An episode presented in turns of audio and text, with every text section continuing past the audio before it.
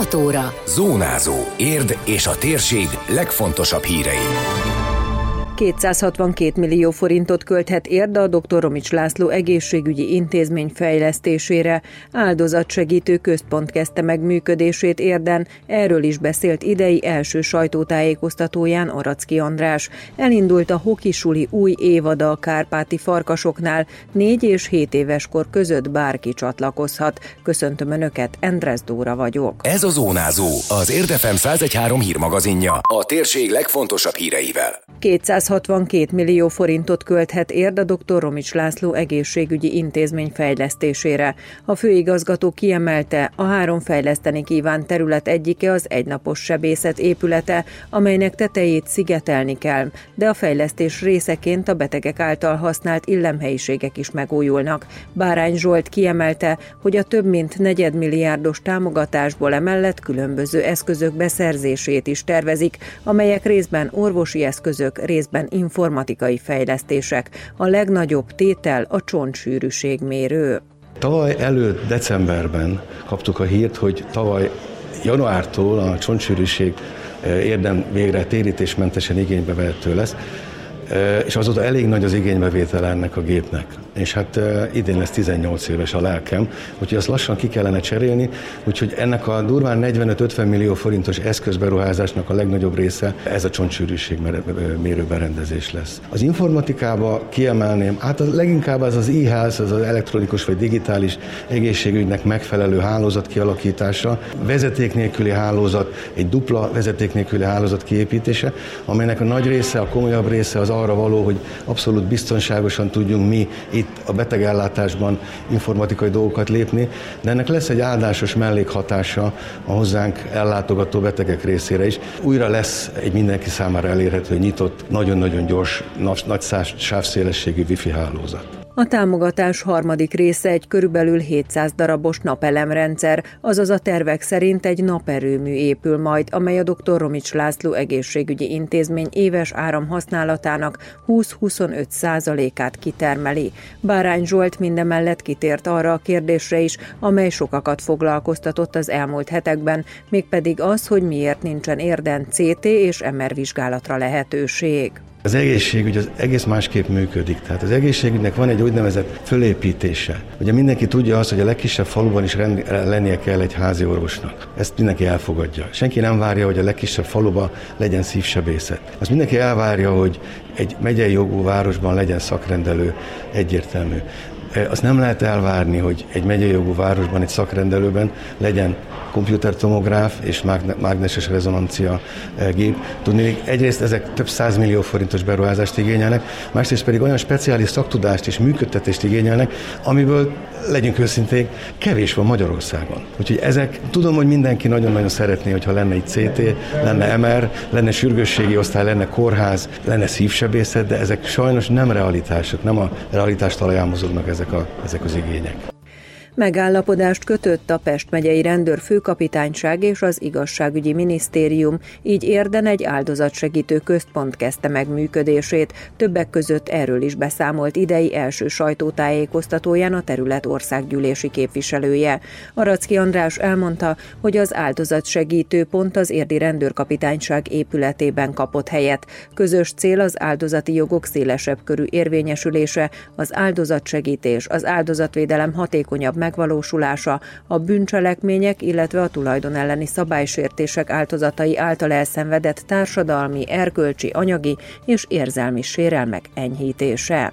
Amikor az épületet, a rendőrség új korszerű épületét átadták, már akkor foglalkoztak ezzel a gondolattal a rendőrség szakemberei, majd azt követően a kormány is ma minden megyeszékhelyen kíván ilyen központot létrehozni, azt hiszem tizenvalahány már megtörtént, több mint tíz megyeszékhelyen már van ilyen központ, és hát Érd, miután Pest a legnagyobb városa, sikerült azt is elérni, hogy Érden is létesüljön egy ilyen áldozatsegítő központ. Érd ezzel azt a igazgatási, igaz, igazságszolgáltatási arcolatát bővíteni tudta, amely 2010 óta kezdett kialakulni. A bíróság létrehozatalával, az új rendőrség épületével, most beszélhetünk a szakképzési centrum itt, itt létével, valamint a Pest megyék tankiletnek az egyik, egyik része szintén érdem van. Aracki András országos ügyeket is érintett a sajtótájékoztatóján, így beszélt a 25 év alattiak adómentességéről, a négy gyermekes anyák adókedvezményéről, valamint a 13. havi nyugdíj kifizetéséről is. Emellett az alapvető élelmiszerek árának befagyasztásáról is szó esett. Ez is nagyon fontos intézkedés az árak megzabolázása szempontjából, hogy a magyar emberek számára ne lehessen alapvetően a koronavírus válság miatt, vagy járvány miatt bekövetkezett gazdasági visszaesések és válságok miatt bekövetkezett globális, tehát a világ minden részén elindult inflációs folyamatok ne érintsék a magyar állampolgárokat, közvetlenül negatív hatással. Emellett azért hozzá kell tennem, hogy Más jó hírekkel kezdődött az új év, nevezetesen mindenki, aki nyugdíjas, megkapta az 5%-kal emelt nyugdíját, és a 13. havi nyugdíj teljes egészét meg fogja kapni februárban. Ezen kívül életbe lépett a négy gyermekes családanyáknak a személyi jövedelem adó kedvezménye, és a fiatalok 25 év alattiak személyi jövedelem adó mentessége is hatályba lépett.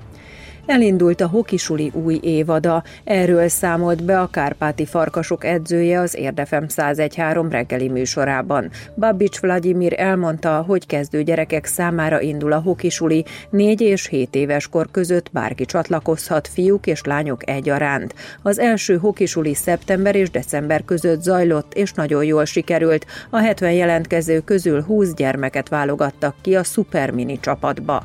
A cél, hogy minél többen megismerjék és megszeressék a sportágat, és a legügyesebbek, legkitartóbbak csatlakozni tudnak az Egyesülethez. Ez a hokisuli pont ilyen gyerekeknek terveztünk és csináljunk, aki egyáltalán meg nem volt a gégen, vagy nagyon kevesen tapasztaltak azt, hogy tudnak korcsolyázni, és itt nekünk az a cél, hogy ez olyan négy évéstől hét évesig bárki csatlakozhat, lányok, fiúk, és nekünk a első szeptembertől decemberig nagyon jól sikerül, mert 70 gyerekból tudtunk 20 kiválogatni a Karpati Farkasokhoz, a Supermini csapathoz, és a most januártól nekünk a, ugyanúgy a tervünk azt, hogy minden több gyerek kipróbálja, minden több gyerek tudnak megszeretni azt a sportágot, és utána aki legügyesebb vagy kitár, legkitártottabb, akkor ezt tud csatlakozni hozzánk. Az edző szerint azért fontos minél korábban elkezdeni ezt a sportot, mert 7-8 évesen már nagyon nehéz felzárkózniuk azokhoz, akik korábban kezdték, és esetleg már 4-5 éve korcsolyáznak.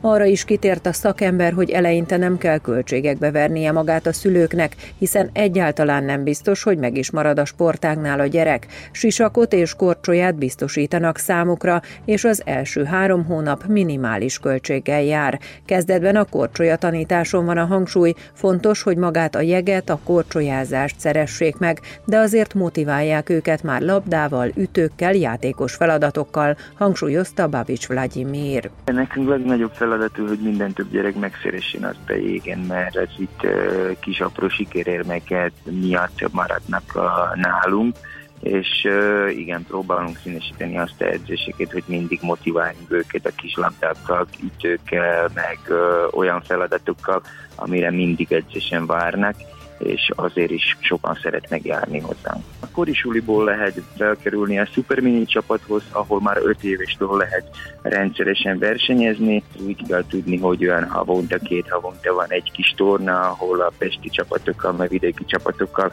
tudunk egy kis pályán, kis területen versenyezni. Nagyon sokan szeretnek, és nagyon sokan várnak arra, hogy, hogy odaig jussanak, hogy ilyen versenyekre tudnak jönni. Babics Vladimir arról is beszélt, hogy három éves az Egyesület, és már most nagyon sok tehetséges gyerek van. Jelenleg U8-tól U18-ig majdnem minden korosztályban indítanak csapatot bajnokságban. Időjárás.